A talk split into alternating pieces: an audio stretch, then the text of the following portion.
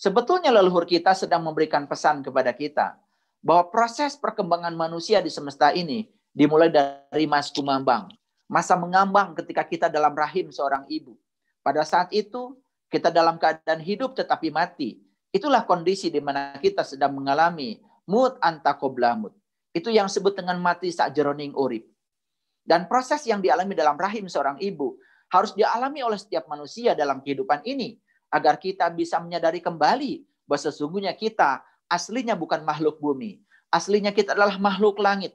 Aslinya kita berasal dari alam-alam yang tinggi. Aslinya kita adalah uh, ruh. Aslinya diri kita adalah nur. Aslinya diri kita adalah nur ala nur. Percikan dari cahaya Tuhan yang ditiupkan ke dalam diri kita. Siapa saya yang sadar ke dalam asal muasalnya, purwa daksinya, jati dirinya, maka dalam kehidupan ini akan penuh dengan kesadaran. Setelah Mas Kumambang kemudian Mijil. Pada saat kita berada di alam Mas Kumambang, mengambang dalam rahim ibu, apa yang terjadi? Saat itu kita ditanya oleh Allah, Alastu birobbikum, apakah aku ini Tuhanmu? Dan pada saat itu setiap jiwa menjawab, Qalu bala syahidna. Ya, aku menyaksikan.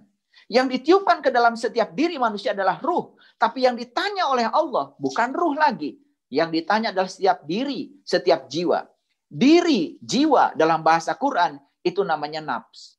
Jadi Quran membedakan antara nafs dengan ruh. Kalau ruh ya ruh bahasa Arabnya. Tapi kalau nafs itu bahasa Indonesia adalah diri. Diri itulah sesungguhnya diri sejati kita. Nur insan, sang jiwa yang melekat di dalam diri kita. Oleh karena itu yang ditanya pada saat kita di rahim ibu, pada saat mengambang di dalam alam rahim, ketika dibungkus kita dengan ketuban, yang ditanya justru bukan ruh, yang ditanya adalah jiwa. Alastu birobbikum. Dan kita mengatakan, Qalu bala syahidna. Apakah aku ini Tuhanmu? Dan kita bisa menjawab pada saat itu, Qalu bala syahidna. Ya, aku menyaksikan. Ya, aku bersaksi. Kalau saat itu kita menyaksikan, kalau saat itu kita bersaksi, apa maknanya? Artinya saat itu kita sedang melihat dia. Artinya saat itu kita menyaksikan dia. Lalu pertanyaannya, dengan apa kita menyaksikan pada saat itu? Tentu saja kita tidak menyaksikan dengan mata lahir karena ditutup oleh ketuban. Tidak menyaksikan dengan telinga lahir karena ditutup oleh ketuban. Tidak menyaksikan dengan dengan apa tuh perasa lahir karena saat itu hidung ditutup oleh ketuban. Tidak menyaksikan dengan pengucap lahir karena saat itu mulut pun ditutup oleh ketuban bahkan seluruh ya aspek-aspek elemen-elemen kehidupan dialirkan lewat tali ari-ari ke dalam tubuh sang jabang bayi. Maka sesungguhnya pada saat itu diri kita dalam keadaan melihat. Dengan apa kita melihat? Tentu saja kita melihat bukan dengan mata lahir, tapi dengan satu mata yang ajaib yang diberikan Allah kepada kita, yang disebut dengan mata jiwa, yang disebut dengan mata kolbu, yang disebut dengan mata langit, yang disebut dengan mata ruhani, yang disebut dengan mata dari alam yang tinggi. Itulah yang disebut dengan ainil kolbi, terang mata kolbu yang disampaikan pada setiap manusia.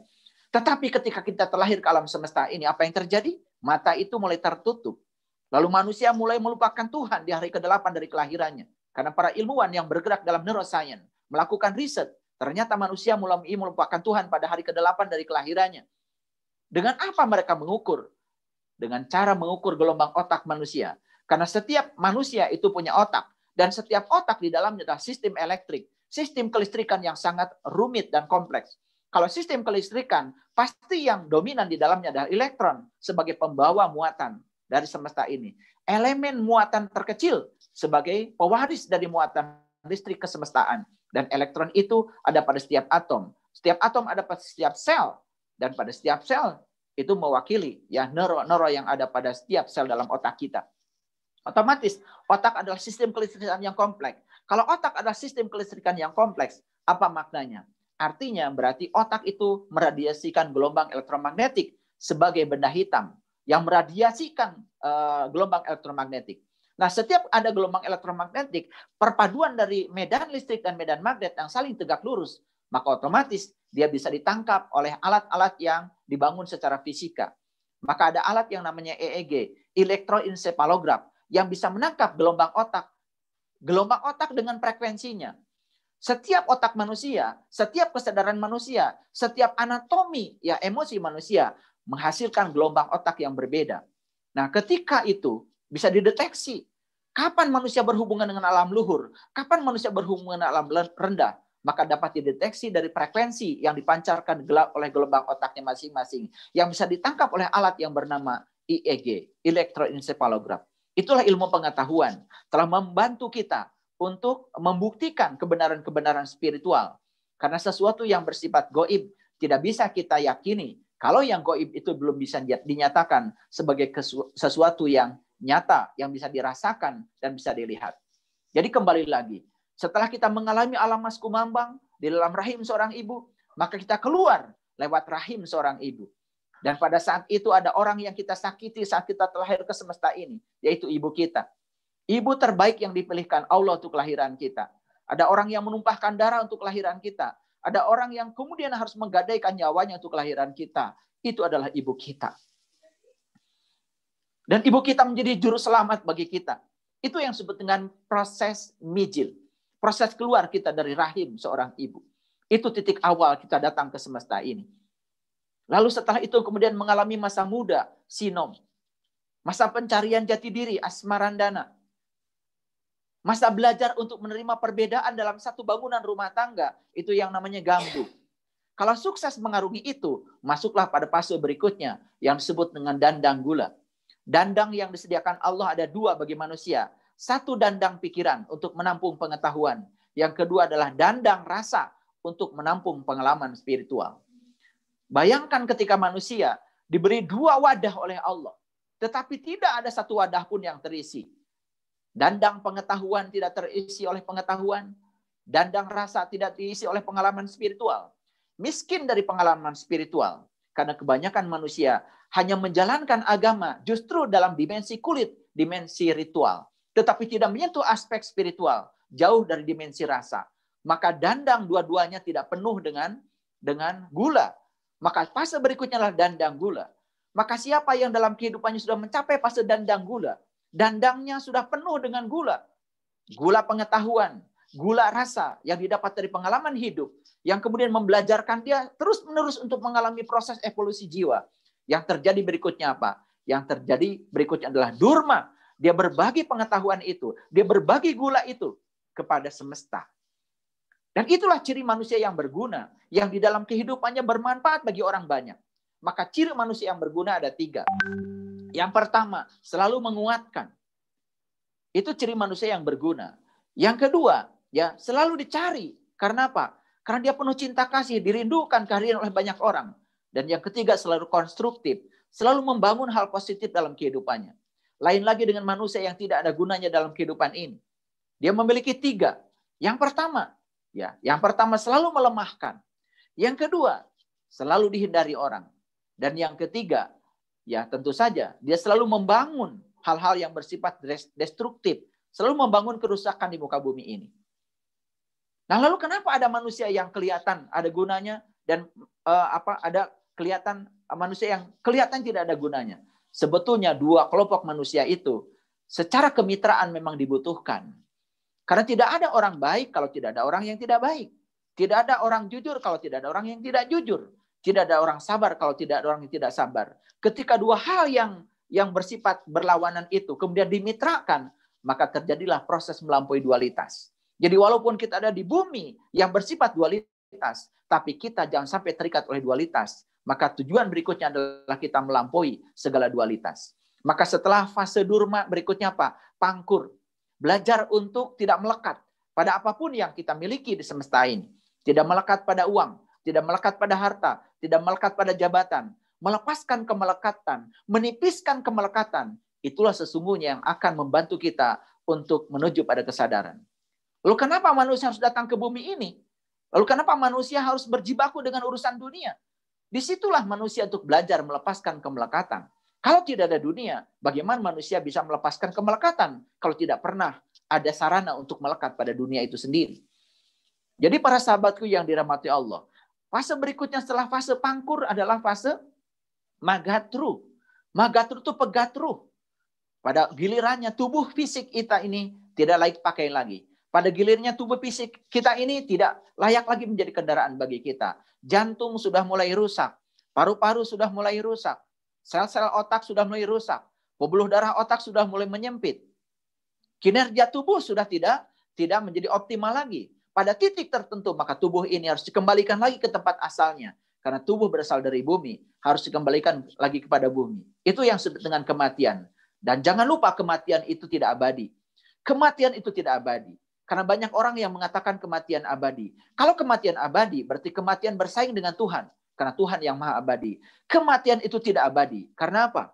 Karena kematian itu tidak abadi. Karena sesungguhnya ketika tubuh sudah dihancurkan pada semesta, menyatu kembali dengan bumi, suatu saat maka tubuh ini akan kembali menjadi tubuh yang baru lewat proses alam. Makanya harus kita sadari bahwa sesungguhnya setiap hari kita itu meminum darah para leluhur kita. Setiap hari kita itu memakan ya makanan yang berasal dari tubuh yang membusuk dari leluhur-leluhur kita. Bukannya tubuh yang membusuk di bumi ini, yang sudah dikubur dan menyatu dengan bumi ini, kemudian berubah menjadi apa? Berubah menjadi mineral-mineral bumi, berubah menjadi unsur air, berubah menjadi unsur udara, berubah menjadi unsur api, berubah menjadi unsur ruang, berubah menjadi ether. Dan semua itu kemudian membangun lagi sel baru. Lewat apa? Lewat makanan yang dimakan oleh manusia. Ingat ya, semua makanan yang kita makan berasal dari bumi. Dan makanan yang berasal dari bumi itu kemudian mewujud menjadi apa? Menjadi sel yang baru lagi. Yang disebut dengan sel sperma. Yang disebut dengan sel telur. Kemudian pada gilirannya, ketika dua manusia dipertemukan untuk menjadi sepasang kekasih, maka dua sel itu akan menyatu. Menyatu kembali menjadi tubuh yang baru. Dari dua sel kembali menjadi 100 triliun sel. Terus berus seperti itu. Oleh karena itu, maka saya mengatakan bahwa kematian itu tidak abadi. Karena kematian itu, ya, kematian itu tidak sekali mati kemudian selamanya. Maka dia akan kembali hidup, kemudian mati, kemudian hidup, kemudian mati. Seperti yang diceritakan dalam Al-Quran. Kaifatakfuruna billahi wa kuntum amwatan fa'ahyakum sumayumitukum sumayuhikum sumayumitukum sumayuhikum wa ilahi turja'un. Jadi untuk proses menuju pada kesadaran, ya kesadaran asli sebagai ruh manusia, maka manusia akan mengalami siklus hidup mati. Kecuali mereka yang sudah berkesadaran tinggi. Mungkin ya sudah mencapai puncaknya kesadaran. Oleh karena itu maka mati bukanlah akhir dari kehidupan, tapi mati adalah puncak dari kehidupan. Mati adalah klimaks dari kehidupan. Mati adalah orgasme dari kehidupan. Mati bukanlah akhir dari kehidupan, tapi mati bagi orang yang sadar adalah puncaknya dari kehidupan. Oleh karena itu, bagi orang yang sadar, hidup penuh kesadaran, mati pun penuh kesadaran. Maka bagi orang yang sadar, mati bukan dilewatkan, tapi mati dijalani, mati dinikmati, karena dia berada dalam keadaan sadar. Itulah bedanya orang yang sadar dengan orang yang tidak sadar. Maka fase berikutnya setelah megatur adalah pucung. Pucung adalah pocong. Maka setiap kita pasti akan mengalami fase-fase yang saya sebutkan tadi. Jadi apa maksud saya membahas ini? Maksud saya membahas ini adalah mari kita kembali kepada jati diri kita yang sesungguhnya. Bahwa sesungguhnya diri kita yang sesungguhnya adalah ruh. Diri kita yang sesungguhnya adalah percikan dari cahaya Tuhan yang disampaikan kepada kita. Dan ketika wujud dari nur disampaikan kepada kita, pada nur itu yang digandengkan sifat-sifat alami dari semesta, yaitu sifat-sifat Tuhan itu sendiri. Makanya para nabi, para rasul, para sunan, para wali, para guru-guru suci adalah mereka yang sudah menjelmakan kembali sifat-sifat alami yang diberikan kepada dirinya menjadi sifat-sifat bumi. Itu yang disebut dengan tahaluk bi ahlakillah. Berakhlak seperti ahlaknya Tuhan. Berakhlak seperti ahlaknya Allah. Nabi Muhammad dan nabi-nabi yang lain itu kemudian disebut sudah tahaluk bi ahlakillah. Mewujudkan sifat langit menjadi sifat bumi. Membawa sifat langit menjadi sifat kebumian. Membumikan sifat langit yang tinggi menjadi peradaban di muka bumi ini. Makanya kita lihat ya. Investasi manusia ada dua. Ada investasi dari leher ke atas, ada investasi dari leher ke bawah. Siapa pun manusia yang menghabiskan seluruh uangnya untuk investasi dari leher ke bawah, lihat seperti apa nasibnya. Mohon maaf ya, tidak berpendidikan. Seluruh uangnya hanya digunakan untuk makan minum, mewah-mewahan. Seluruh uangnya digunakan untuk membeli perhiasan. Di tangannya banyak perhiasan. Di tangan kanan, di tangan kiri, di jari-jari, di seluruh kaki banyak perhiasan. Tetapi tidak berpendidikan. Tidak pernah menuntut ilmu pengetahuan. Tidak pernah belajar pengembangan diri. Tidak pernah belajar kesadaran. Tidak ada investasi dari sini ke atas. Apa yang terjadi? Hidupnya penuh dengan kerja keras. Karena apa? Mencari uang pun harus dengan otot. Beda dengan orang yang investasi dari sini ke atas, ya. Investasi dari sini ke atas dua. Satu ya, investasi untuk urusan akademis, yang kedua investasi untuk urusan spiritual dan emosi. Makanya ada pelatihan-pelatihan tentang bagaimana manajemen emosi, ada pelatihan-pelatihan tentang bagaimana memberdayakan diri dengan cara meningkatkan kesadaran spiritual. Tetapi berapa banyak orang yang mau menginvestasikan ya sebagian harta yang dititipkan Allah kepada dirinya untuk investasi dari leher ke atas. Kebanyakan hanya ingin investasi dari leher ke bawah. Itulah yang membedakan manusia yang tahu dengan manusia yang tidak tahu. Banyak manusia yang tidak tahu, tapi dia tidak tahu bahwa dia tidak tahu. Tetapi so tahu, diberitahu tidak mau tahu. Tapi kalau ngomong seperti orang yang tahu, pada sesungguhnya dia itu tidak tahu. Cuma dia tidak tahu bahwa dia tidak tahu. Dibungkus ketidaktahuannya dengan berbagai macam atribut yang melekat pada dirinya. Atribut itu bisa apa saja? Bisa atribut akademik, bisa kehormatan yang diberikan dari masyarakat. Mohon maaf ya, ketika seseorang sudah mendapatkan gelar, apa itu kiai, apa itu haji, apa itu ustadz, apa itu tokoh agama, apa itu anggota ini, anggota itu, dan lain sebagainya. Yang sepertiga itu kain kehormatan. Jangan lupa, kain itu bisa membutakan kita. Kain itu akan membungkus ketidaktahuan kita. Beda dengan orang biasa. Makanya orang biasa menjadi orang yang tidak tahu, tapi dia tahu bahwa dia tidak tahu. Lihat orang-orang yang tidak tahu, tapi dia tahu bahwa dirinya tidak tahu. Dia terus mencari tahu.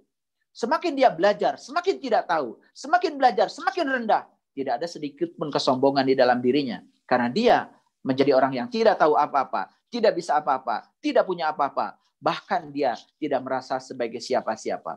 Begitu kita melepaskan diri dari segala atribut, signlessness, maka itulah sebetulnya puncaknya spiritual.